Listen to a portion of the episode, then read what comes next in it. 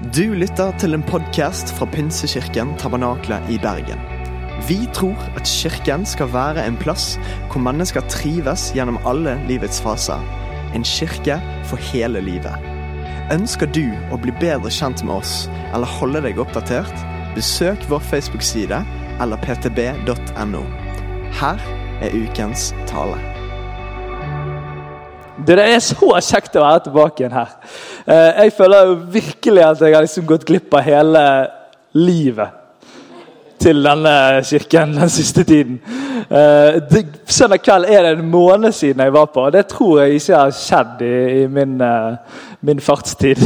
At jeg har hatt en måned sammenhengende vekke. Eh, men det har vært utrolig godt for oss som familie. Vi fikk lov til eh, av kirken å ta en liten timeout som familie. og eh, Spesielt meg og Marit, i forhold til at vi har stått litt i, i, i, en tjeneste som har vært litt utfordrende noen år, og trengte en sånn liten timeout. Og det er jeg så takknemlig for at vi har en kirke som sier yes, du får lov til det sammen med din familie. For vi ser at det er viktig. Så det har jeg sagt at det skal alle få når de har jobbet fem år i denne kirken. Så, men det er noen som har litt tid igjen ennå. da. men uh, vi har hatt det nydelig i Italia. og Jeg har vært på tur med, med mine to barn òg. Og min sønn han er kommet i hvorfor-alderen. Så hvis du lurer på noe, f.eks. hvorfor et eller annet, så bare her har svar på alt. liksom. Hvorfor man går på do, hvorfor man skal spise hvorfor man skal Jeg kommer ikke på flere dårlige eksempler, men det var utrolig interessant å skulle svare hvorfor. Og jeg ganske mange har sagt sånn Sånn er det bare. Så det kan være jeg sier det til deg òg, da. Det kan jo være. Du er inne i denne, denne serien som, som, vi hadde lyst til å, skikkelig dypdykke i. Og, og, Noe av det som er tanken med denne serien, er at, at du skal uh, få lyst til å lese i Bibelen.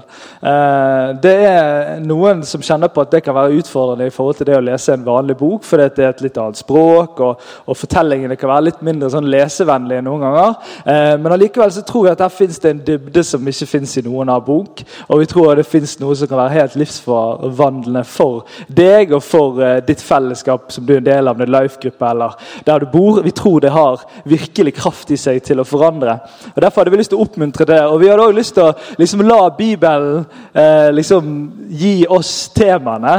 Så vi satt og leste gjennom Apostelens gjerninger på forkant, og så har vi måttet plukke ut noe, for det er så kompakt handlingsmessig at vi har måttet plukke ut noen ting. Men vi har latt liksom, Bibelen gi oss temaene istedenfor at vi setter et tema og så plukker vi bibelvers som er knyttet knyttet til det, så har vi valgt det å gjøre det på den måten. Og Vi tror begge deler er bra, men jeg tror det er bra å liksom la, la, Bibelen snakke direkte til oss. Så Det er litt sånn gjør at vi kommer i noen tekster, og kommer litt lengre tekster i, i prekene våre. Og vi kanskje kommer inn på litt sånn nerdetemaer. I dag skal vi litt sånn inn på litt sånn nerdekristentemaer. eh, som samtidig liksom er spisset inn på det aller, aller viktigste. Men Vi skal liksom snakke litt om kirkemøte og utfordringer de diskuterer og finner ut av det. Og Jeg vet ikke hva erfaring du har med liksom menighetsmøte, eller det at Kirken er samlet for å snakke om noe og finne ut av noe fordi at et eller annet har skjedd. Det er jo ikke peiling på om du har erfaring med det eller ikke, om du har gode erfaringer eller dårlige erfaringer, men vi skal altså inn i et kirkemøte.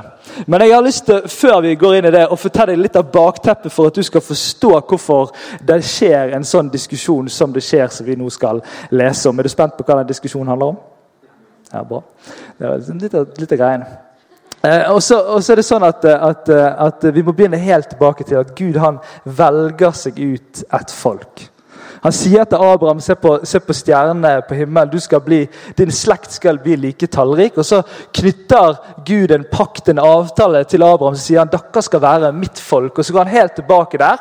Og så er det liksom hele veien frem, så leder han sitt folk eh, sitt folk gjennom forskjellige faser. Vi har liksom gjennom eh, tiden i Egypt videre inn. Og så kommer det ut ifra dette ene folket. Så skal ikke det bare være dette folket som skal være i kontakt med Gud, men det skal være frelsen eller redningen eller alle mennesker skal få lov til å komme i kontakt med Gud gjennom dette folket. Og så er det da Jesus kommer, og så lever han og viser oss hvem Gud er. Viser oss Gud i møte med mennesker. Og så dør han og står opp igjen og, og fullfører det frelsesverket. Fullfører det som Gud startet med Abraham. Så fullfører han det med Jesus, og så fortsetter han sin virke. og det som, Der han fortsetter å gjenforene mennesker med Gud. Men allikevel så er den lange perioden der Gud har ledet ett folk, så har det landet seg en del regler og lover for å holde dette folket annerledes enn det rundt. Og så fins det en del spenninger når Jesus kommer og så sier at det er ikke bare ett folk lenger. Det er alle mennesker tilhører Gud. Alle mennesker skal få høre. Og så fins det en spenning i møte med det, de som har levd med mange av disse reglene og disse tankene og disse tradisjonene. I møte med disse menneskene som aldri har vært en del av jødefolket eller gudsfolket, eller hva du kaller det, men som kommer helt ny til tro. Og så skjer det noen par diskusjoner i dette i apostelgjerningene 15. Og Vi skal holde oss i dette kapitlet. Jeg skal lese en del av kapitlet for deg eh, i løpet av denne eh, stunden vi skal ha sammen her. Vi begynner i apostelgjerningene 15, vers 1 og 2. Det kom noen ned fra Judea og begynte å undervise brødrene. Hvis dere ikke følger den skikken vi har fra Moses, og lar dere omskjære, kan dere ikke bli frelst. Dette førte til konflikt og et heftig ordskifte mellom dem og Paulus og Barnabas. Jeg lurer på hva jeg hadde sagt. Jeg tror jeg hadde sagt sånn her, eh, Det ble sinnssykt dårlig stemning, og de klikket helt på hverandre. Men, men her står det iallfall heftig ordskifte mellom dem. Da besluttet de at Paulus og Barnabas og noen av de andre skulle reise opp til Jerusalem og legge stridsspørsmålet framfor apostlene og de eldste. Og det som man da skal vite er at Denne omskjærelsen eh, det var liksom tegnet på at man var en jøde. Det var eh, Åtte dager etter man født så ble man omskjært, og da var man en del av dette folket. og det, Skulle man bli en del av det, så måtte man bli omskjært. Og så er det noen som prøver å holde fast på dette. Denne tanken om at det, vi er ett folk, og, og, de andre er utenfor, og så må de komme inn til oss. Eh, og Peter er faktisk en av de som liksom begynner på den måten sin tjeneste. Selv om Jesus har snakket om å gå ut til alle folkeslag, og sånn, så blir han veldig orientert rundt jødene og begynner å snakke til de først om hvem Jesus var. Og Så må det en sånn eh, opplevelse til for at Peter så Hvis vi blar fem kapitler tilbake til kapittel ti, så er det eh, Peter får et syn på et tak, og så sier egentlig bare Gud veldig tydelig til han at hør da, nå er ikke det lenger utenfor og innenfor. Nå er det ikke lenger ett folk. Nå er det sånn at Gud han har gjort det mulig for at alle mennesker kan få lov til å være sammen med han. Og Nå skal du gå og fortelle, ikke bare til de som er jøder, men alle alle mennesker. Og Det er jo selvfølgelig vi veldig glad for, vi som er her i dag, at det ble sånn. Um, så Peter han, han, han, får eh, en øyeåpner på dette. Eh, og så er det sånn at han òg møter denne eh, problematikken. Eh, og er en av de som da reiser videre inn til Jerusalem for å finne ut av dette. Um, og jeg kan tenke meg på en måte at de må ha blitt litt irritert over dette. Det er en tid der det skjer utrolig mye spennende, og så er det typisk en eller annen sånn ja, her er Jeg får litt den følelsen noen ganger. Liksom, at Det er sånn, ja, men hør, det er så sykt mye viktig. ja, men her da, Og så må de liksom ta seg tid til det. Men de tar seg tid til det, og vi skal lese her litt hvorfor det blir sånn. Uh, fra vers 4 til 11. Da de var kommet fram til Jerusalem, ble de mottatt av menigheten, apostlene og de eldste, og de fortalte dem om alt det Gud hadde gjort gjennom dem. Men noen fra fariseerpartiet som hadde kommet til tro, sto fram og hevdet. De må omskjæres og pålegges å holde Moseloven. Så kom apostlene og de eldste sammen for å drøfte saken. Etter et hardt ordskifte reiste Peter seg og sa til dem.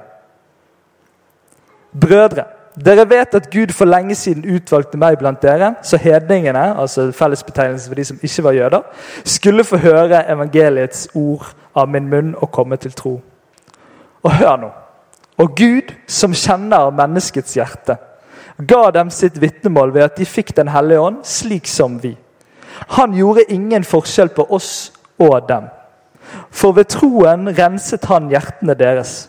Hvorfor utfordrer dere da Gud og legger på disiplenes nakke et åk som verken våre fedre eller vi har maktet å bære? Nei, vi tror at vi blir frelst av Herren Jesu nåde. Vi på samme måte som de. Da ble hele forsamlingen stille. Da, da har du sagt noe bra. Det har vært skikkelig dårlig stemning, og alle har snakket med for å ble helt stille. Og de hørte på Barnabas og Paulus, som fortalte om alle de tegn og under Gud hadde gjort blant hedningene gjennom dem.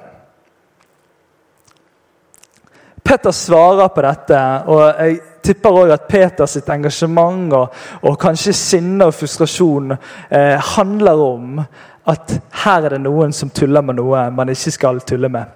For jeg tenker at Er det noe så farlig da om man hadde begynt med omskjærelse? Jeg, jeg forstår jo at det er litt verre når man er i voksen alder, eh, og sånne ting, enn det når man var barn og sånn. Men hadde det vært så galt om det ble en praksis liksom, man bare kunne gjøre? Det kunne jo være fint, det, og så visste man liksom hvem som var hva. Eh, så, så, så, jeg tenker liksom, Er det så farlig, da, egentlig? Men så er det sånn at her er det sånn at disse prøver å rokke ved noe av det som er så grunnleggende. Og da blir det dårlig stemning. Og da reiser Peter seg, og så snakker han tydelig, klart og tydelig om hva som er evangeliet. Og nå når vi har vært på tur sammen, vi som familie, så er det sånn at min kone hun ser veldig bra ut, men hun ser ikke så veldig bra. Og det betyr at når hun glemmer Morsomt. Når hun glemmer, jeg det morsomt. Hun glemmer å ta på seg linser. Så er det sånn at hun eh, kan ende opp med å, å liksom tenke at noe er noe annet enn det det egentlig er. For hun ser ganske så blurry. Så det er nesten sånn at hun av og til har liksom snakket med en annen. Jeg ser jo litt italiensk ut. Har dere sett det? Ja. Så hun har liksom begynt å snakke med alle italienere nesten, fordi hun liksom har glemt det på seg linser. Og så ser hun ikke. Det blir uklart. Hun tror det er noe annet enn det det egentlig er. Og Det jeg er veldig bekymret for med det som vi tror på eh, i dette landet som vi lever i, er at det er blitt uklart hva det vil si å bli en kristen å være en kristen. Evangeliet, fortellingen om Jesus, har blitt uklar for mennesker som ikke har fått høre det i klarhet.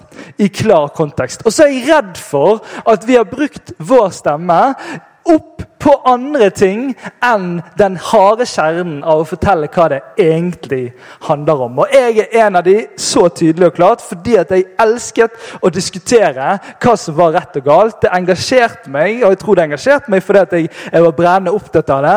Men det tok overhånd, og alle mine trossamtaler gjennom ungdomstiden handlet om rett og galt med mennesker som ikke trodde. Det var samtale om hva alkoholforhold man skulle ha, det var samtale om hva man kunne gjøre sammen før man ble gift. Det var samtalen om alle disse spørsmålene, de moralske spørsmålene som tok opp plassen.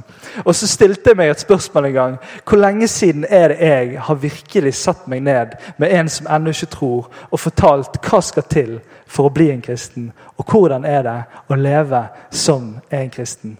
At Hadde denne uken som jeg hadde nå vært litt annerledes, så hadde jeg hatt lyst til å gå rundt på gaten i Bergen og spørre mennesker som ennå ikke tror, hva er det første du tror du måtte ha sluttet med for å bli en kristen? At det er det jeg hører hele tiden igjen. De tror det handler om mennesker som ikke tror. Hvis du er her, så kan det være du tenker det samme. jeg vet ikke, Men min opplevelse er at mennesker tror at de må slutte med et eller annet, et eller annet for å kunne være med. Det er blitt uklart, det er blitt blurry. Man tror det er noe annet enn det det egentlig er. Og man får sjelden høre det i klartekst. Og kristne har en tendens, kanskje er det provosert av mennesker som spør, men å bruke opp stemmen sin til rett og galt-spørsmålet. Og Jeg syns det er så utrolig viktig med rett og galt. Og Jeg tror ikke løsningen på noen slags måte er å viske det ut, hva som er rett og galt. Men jeg tror man må bestemme seg for hva skal jeg bruke stemmen min på når jeg snakker med mennesker som ennå ikke tror.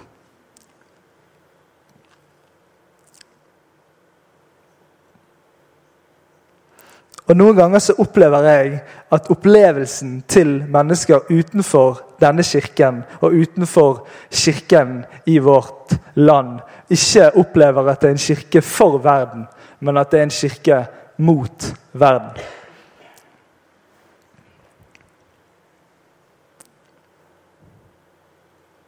Du har en stemme som du kan bruke. Og Det handler ikke om å kunne alt inn og ut. Det handler ikke om å, om å være 100 sikker sjøl og vise det i en eller annen fantastisk preken du holder for den vennen som spør, eller som du får muligheten til å fortelle hva det egentlig handler om. Men det handler om å bruke de mulighetene vi får til å faktisk snakke. Og jeg tror kanskje det er bra for oss sjøl òg. For det er det noe vi har en tendens til å glemme, er hva det egentlig handler om. Den harde kjernen.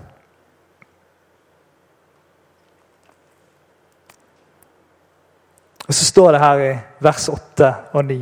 Og Gud, som kjenner menneskets hjerte, ga dem sitt vitnemål ved at de fikk Den hellige ånd slik som vi. Han gjorde ingen forskjell på oss og dem, for ved troen renset han hjertene deres. Som en som, som, som, jobber i en kirke og, og, og, bruker veldig mye tid på å tenke hvordan kan vi være en kirke der mennesker som ikke tror, eh, kan begynne å tro i vårt fellesskap. Om det er en gudstjeneste eller en samtale med noen i kirken vår. Så bare masse tid jeg har brukt på å tenke på å finne ut av det spørsmålet. Og Noen ganger så lurer seg inn i en tanke om at hvis bare man klarer å skape en sånn og sånn gudstjeneste. Hvis det bare kommer til det punktet av at alt funker så og så bra, eller sånn og sånn, og sånn, så er man liksom på punktet Da vil mennesker begynne å tro. Da vil mennesker komme til å tro i fellesskapet. Og så er det egentlig jeg som fikser det litt. Det er egentlig mine skuldre det ligger på. Og det kan bli ganske tungt av og til når man sitter på jobb og tenker at liksom jeg skal gå hjem, men det kan jo være noen går fortapt hvis jeg ikke går hjem. Og så plutselig så tar man en eller annen rolle av å tro at jeg er med på å frelse mennesker. Og så er det Gud som frelser, og ikke jeg og ikke du. Ja, Vi kan være med og peke på, vi kan være med og lede mot, men det er han som gjør det. Og Peter er akkurat som han roper det klart og tydelig.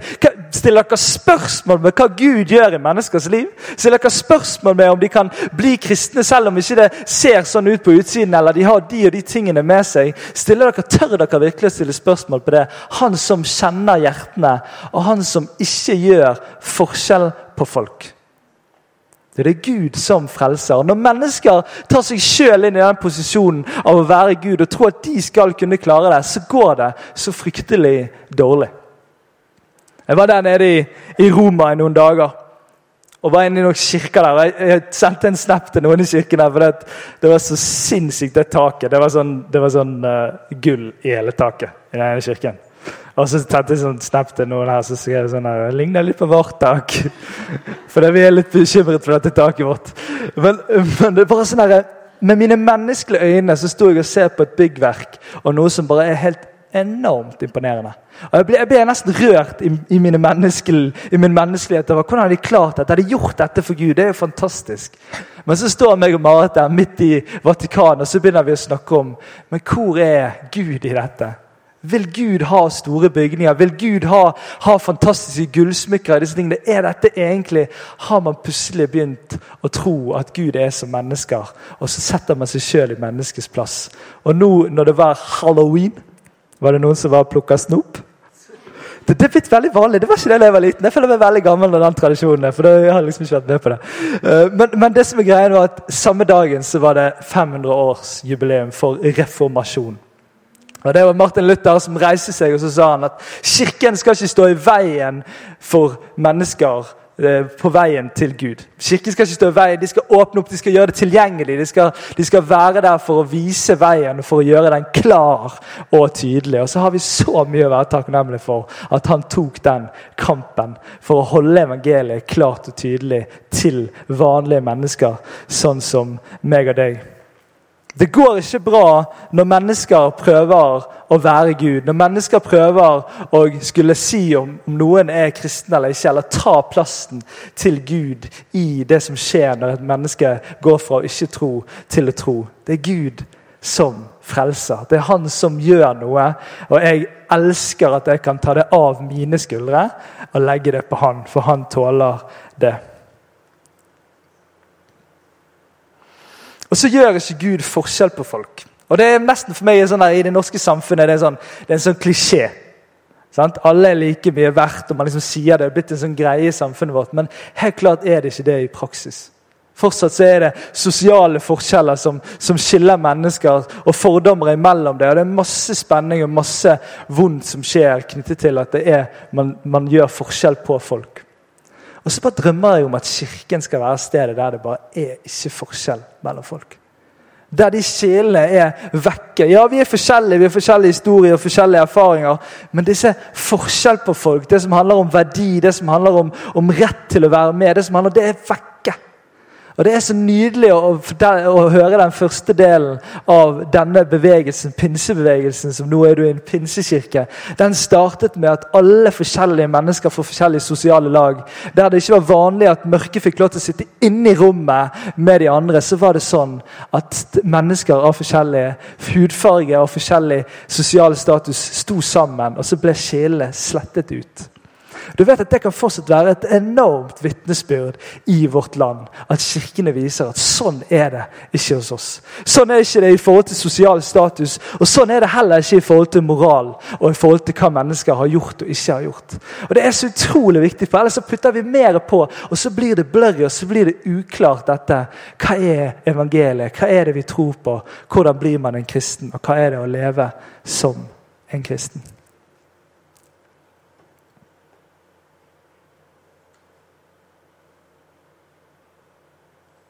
Er Kirken et sånt vitnesbyrd? Er Kirken et sånt eksempel til etterfølgelse? At ikke det er forskjell på folk? Jeg tror langt på vei, og så tror jeg det fins noen steg igjen. Og så kommer det noe. Og ikke mist noe litt sånn, sånn vanskelig språk her. Hvorfor utfordrer dere da Gud og legger på disiplenes nakke et åk som verken våre fedre eller vi har maktet å bære? Nei, vi tror at vi blir frelst av Herren Jesu nåde på samme måte som de. Og Det er veldig interessant, spesielt i en sånn kirke som dette, der det er mange generasjoner. Men man har sett i alle kirker at det fins generasjon etter generasjon. Og så er noe veldig viktig for en generasjon, og så blir man veldig opptatt av at neste generasjon skal synes det er viktig. Og så er det litt forskjellige ting. Noen ting er så viktig at det skal være viktig i hver generasjon, men noen ting forandrer seg. Sant? Det å gå med, med, hodeplagg inne har forandret seg. Det er ikke vanlig lenger at alle må ta av seg hodeplagget når man kommer inn i en kirke. Sånn er ikke, Vi tenker ikke om det på den samme måten, men for en generasjon så er det veldig veldig viktig. Og Så fins det sånne spenninger som er blant de forskjellige generasjonene. Og så er det akkurat som at alle har vært igjennom det. Alle har opplevd at ja, men vi fikk ikke lov å spille trommer. Sant? Satan bor i den store tromma. Og, og det, var liksom, det var en sånn greie, sant? Og så fikk ikke vi lov til å gjøre det. Eh, og så plutselig står han på andre siden av bordet og hindrer en, noen andre i noe som egentlig handler om akkurat det samme.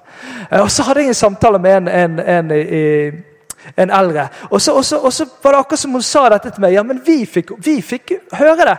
Vi fikk høre det hele tiden, og da må de òg få høre det. Og så sa jeg sånn Hvorfor det? Det tok jeg Alfred. Hvorfor det? Må det være sånn Må det være sånn at hver generasjon har sin kampsak, og så må andre generasjon òg kjempe, og så mister vi så fryktelig mange mennesker på tull? Jeg blir så lei meg når menigheten bruker opp energien og tiden sin på å gå gjennom disse tingene. La oss bli en generasjon som ikke driver og holder fast på en eller annen Hillsong-sang eller et eller annet greier fordi vi liker det så godt og det kjennes så godt når vi synger det. Men la oss huske på hva det egentlig handler om. Sånn at vi ikke blir sånn, og sånn at vi ikke påfører neste generasjon det samme igjen. Sånn at vi ikke bruker opp stemmen vår på et eller annet som handler om dubstep, istedenfor at det handler om det, det kjernen av evangeliet. Så når jeg kommer på, på ungdomsmøte her så Nå er jeg blitt så gammel at jeg er bare på ungdomsmøte når jeg preker. Jeg prøver av og til å komme oftere, men når jeg kommer preker, så kommer jeg ikke der og snakker sånn Pass dere for sosiale medier. Og, og ikke, ikke sant? Altså, Jeg gjør ikke det. Jeg kommer og snakker om, om hvem Jesus er og evangeliet. Så roper jeg det ut. Og så, selvfølgelig bare et par ting jeg har hatt lyst til å si til dem, for det, det må være utfordrende å vokse opp i dag. Men jeg bruker stemmen min sånn at de hører det, og så bruker jeg ikke den opp på tull. Og her sier jeg til dere noe, dere tenker sånn, det er jo helt urelevant. Det går så utrolig kort tid før man sitter på ene siden av bordet, og så er man på andre siden av bordet. Og Hvis man ikke er bevisst på det når man sitter på ene siden av bordet, så kommer man til å ende opp med å sitte på andre siden av bordet akkurat sånn som man håpet man ikke skulle sitte på andre siden av bordet. Det blir bra på podkast. Går det bra med tolkingen der bak?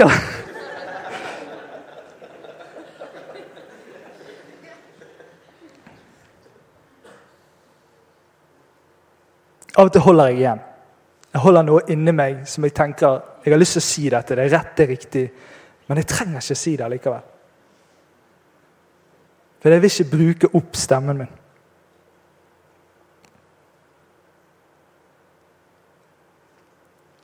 Så kommer det videre. Og nå skjer det noe, nå, nå, nå skjer det noe her. Vers 13 til 21. Da de var ferdig med å tale, grep Jakob ordet og sa, Brødre, hør på meg. Simon, som da er Peter, har forklart hvordan Gud for lenge siden sørget for å vinne seg et folk av hedninger for sitt navn. Og Dette stemmer ved profetens ord, slik det står skrevet. Og så eh, eh, forteller han og viser hva det står skrevet. Og så forteller han videre i vers 19. Derfor mener jeg at vi ikke skal lage vanskeligheter for de hedningene som vender om til Gud. Kan dere høre et amen? Det var bra. Kjempeflott. Dere er flinke. Men vi skal skrive til dem at de skal holde seg borte fra det som er gjort urent ved avgudsdyrkelse, og fra hor, og fra kjøtt av kvalte dyr, og fra blod. For Moses har um, i, fra uminnelige tider hatt noen som forkynner ham i alle byer, og han eh, blir opplest i synagogene hver sabbat. Og Da jeg forberedte meg til dette, så ble jeg egentlig ganske irritert på Halla Jakob. Fordi at her har jo Peter bare satt skapet på plass, og så reiser Jakob seg. Hvem har sagt at han får lov til å si noe? Men han bare reiser seg opp, og så begynner han liksom med sånne kompromissgreier. Jeg bare, Hva er det han holder på med? Og så plutselig skjønner jeg at i en kirke og i et fellesskap så trenger man Petere. Det går an å si. Som er tydelige, som er klare, som har klar tale. Og så trenger man Jakob-folk som forsoner. For det er det Jakob gjør her. For det, det de lander på, er ting som er veldig viktig for mange av de menneskene som eh, har vært jøder og blir kristne. For de har levd i en tradisjon som betyr veldig mye for dem. Og så er det akkurat som han inngår et sånt respektkompromiss. Men det er to forskjellige deler. Den ene delen som handler om hor, det er en del som vi fortsatt tror på i dag. Vi tror at det, det, det, som har med sex å gjøre, hører hjemme i ekteskapet. Og vi tror på at det er det beste for mennesker. Og vi tror at det og den løssluppenheten eller rundt omkring med alle, og alle sånn, det er noe vi tror er, er, er, er fare for mennesker. Vi tror det er bra for mennesker å leve sammen med en person og ha sex med den ene personen. Og dette er sånn at Hvis du går inn og leser når Paulus snakker inn de forskjellige brevene, så var det en stor utfordring at i samfunnet så var det en helt annen tanke om sex enn i kirken. Og så prøvde man å dra det inn, og så er Paulus ganske tydelig på å holde et annet syn en annen tanke om det. Ikke for å være kjip, ikke for å, å være partypoper, men fordi det er det beste for mennesker. Så dette med hor det er noe som vi fortsatt eh, tror på og fortsetter å bære med. Men de andre tingene avgudsdyrkelse, mat som har blitt det, og mat for kvalte dyr og med blod i. Det er ikke noe vi, vi har mm, i denne kirken lenger. Det er ikke noe som vedvarte i det hele tatt. Det var et slags kompromiss et, et slags sånn respektkompromiss. Og Denne siden av bordet har ikke det alltid vært snakket så mye om. Og Jeg har lyst til bare å si litt tydelig, jeg tror vi noen ganger som en ung generasjon kan bestemme oss for at noen ting trenger vi ikke gjøre for å provosere mennesker. Det er sånn, Noen ting trenger vi ikke gjøre for å liksom måtte si til alle de menneskene som har levd litt lenger, som syns noe er viktig som vi ikke mener er viktig lenger. Så trenger vi kanskje ikke å utfordre det på den måten som kanskje noen ganger blir gjort. Og jeg tror Dette handler litt om å ære de som har gått foran, og det å, å forsone istedenfor å skape splid. Eh, og Dette kjenner jeg litt på sjøl, og, og, og, jeg vet liksom at, at, det er bedre på en søndag formiddag at jeg har strøket skjorten, enn at jeg ikke har gjort det. Ingen av dere har tenkt på det, tror jeg, her inne? Har dere det? Nei da, det går lov, å være ærlig. Men jeg får aldri tid til å stryke av skjorten. sant? Og, og, jeg blir selvfølgelig sint hvis noen tenker at jeg vil ikke høre på hva han sier fordi han har ikke strøket skjorten. Men det, kan, det, det, handler om respekt. Sant? Noen syns det er veldig bra og fint at man har strøket skjorten. Det er veldig flåsete eksempel, sant? Og Jeg preker sjelden med caps, for jeg vet at noen mennesker vil oppleve det vanskelig. Og så går det an å gjøre noe på ting som strekker deg, uten at jeg trenger å gå på kompromiss av hvem jeg er. Jeg har ikke kjempesterk identitet knyttet til mine krøllete skjorter. Så jeg kan på en måte droppe de krøllete skjortene.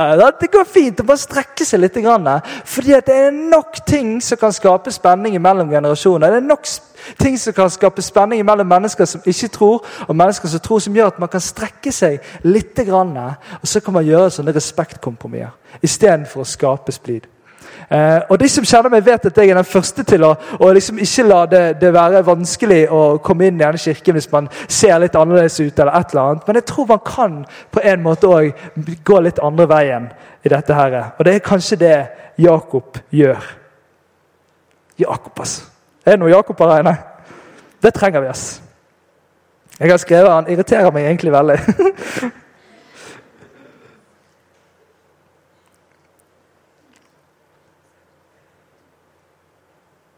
Tenk over på hvilken måte du kan vise respekt for de menneskene som har gått foran.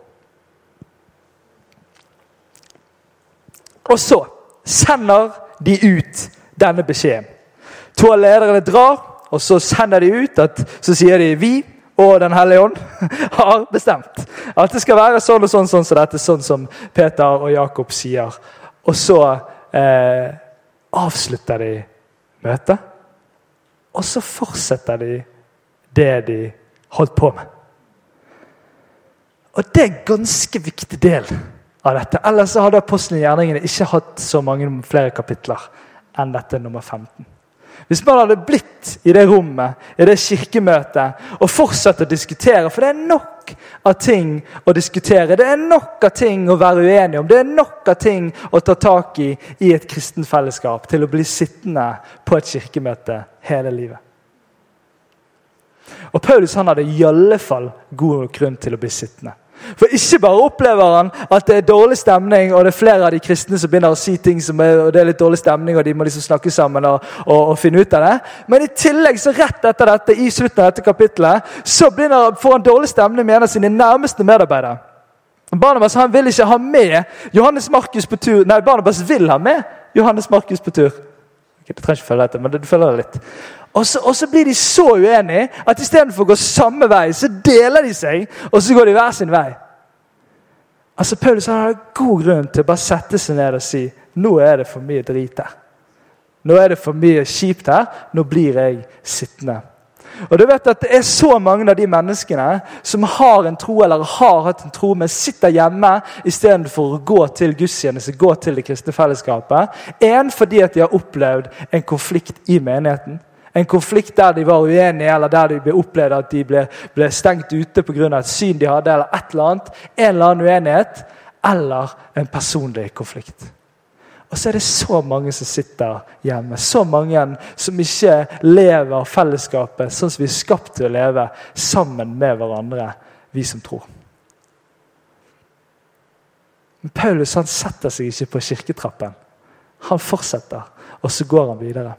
Og Jeg vet ikke hva dette kan være i ditt liv. Om det kan være det at man blir sittende på kirkemøtet, det kan være at man liksom, ja, men det, det, er ikke helt sånn som jeg vil egentlig i gudstjenesten ennå. Eller eh, det er ikke akkurat eh, den life-gruppen jeg ønsker meg helt ennå. Så finner man liksom hele tiden ting som gjør at man kan bli værende, istedenfor å gå til det som man egentlig skal gjøre. Og få lov til å fortelle om et klart og tydelig evangelium. Jeg vet at det er utfordrende for oss kristne å gjøre det. Jeg vet at det er utfordrende når det treffer inn i menneskers liv, for det har en tendens til å provosere dette rene og klare evangeliet. Men allikevel, la oss avsløre noen av disse unnskyldningene eller tankene om at ja, men jeg må bare sitte her litt til. Jeg må bare diskutere hele denne endetidsgreien først. Eller jeg må først finne ut av skapelsen, eller jeg må først finne ut av alle disse tingene før man kan begynne å gå. Så blir man sittende. Eller kanskje det at man blir sittende på kirketrappen fordi at man opplevde seg urettferdig behandlet. Du, hør da, Når vi er et fellesskap som dette, av mennesker, så er det umulig å ikke oppleve noen ganger noen litt vanskelige ting. Sånn er det når mange mennesker er på et sted. Og Jeg tar på veldig alvor om mennesker opplever seg utenfor eller opplever vanskelige ting i menighetsfellesskapet. Men la oss ikke bruke det som en unnskyldning til å sitte hjemme. Det fins så mange vanskelige fortellinger på dette, så jeg prøver ikke å latterliggjøre det. på det i det hele tatt. Men jeg prøver å si noe om at det sluttet ikke der. De var ikke ferdig etter kirkemøtet, eller fortsatte kirkemøtet. De avsluttet det, og så gikk de tilbake. og Så kommer det noen helt syke kapitler om ting som Paulus og gjengen får være med på videre.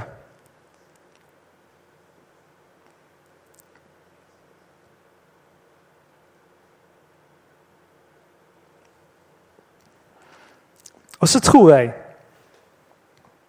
at hvis man, hvis man går tilbake til det det egentlig handler om, så vil noen av de tingene som av og til diskuteres på et kirkemøte, eller av og til diskuteres, de vil bli ganske små i møte med de tingene man møter der ute. Og Jeg tror faktisk det er liksom meningen at man ikke skal være en isolert kristen gjeng med en gang et kristen fellesskap isolerer seg, så vil det til slutt dø. Det er fortellingen, liksom. Det er ikke skapt til å være sånn. Det, det, det er ikke riktig. Det funker ikke. Og så hadde vi nå på onsdag en markering for disse menneskene som, som blir forfulgt for sin tro. De som blir drept for sin tro, de som blir utvist av familien sin for sin tro. Disse menneskene som opplever sånne enorme konsekvenser av å si ja, men jeg tror på det rene og tydelige evangeliet. Og så tror jeg vi trenger noen ganger litt perspektiv. Vi trenger litt, litt, størrelse på en eller annen samtale som har gravd seg ned til å handle om en eller annen detalj i en eller annen andre eller tredje Mosebok. Så trenger vi av og til litt perspektiv, og så løfte blikket litt. Og så se at det, er ikke dette det sånn grunnleggende handler om. Bak til kjernen, og så få lov til å være en sånn stemme som roper ut et klart og tydelig evangelie. Fortellingen om Jesus.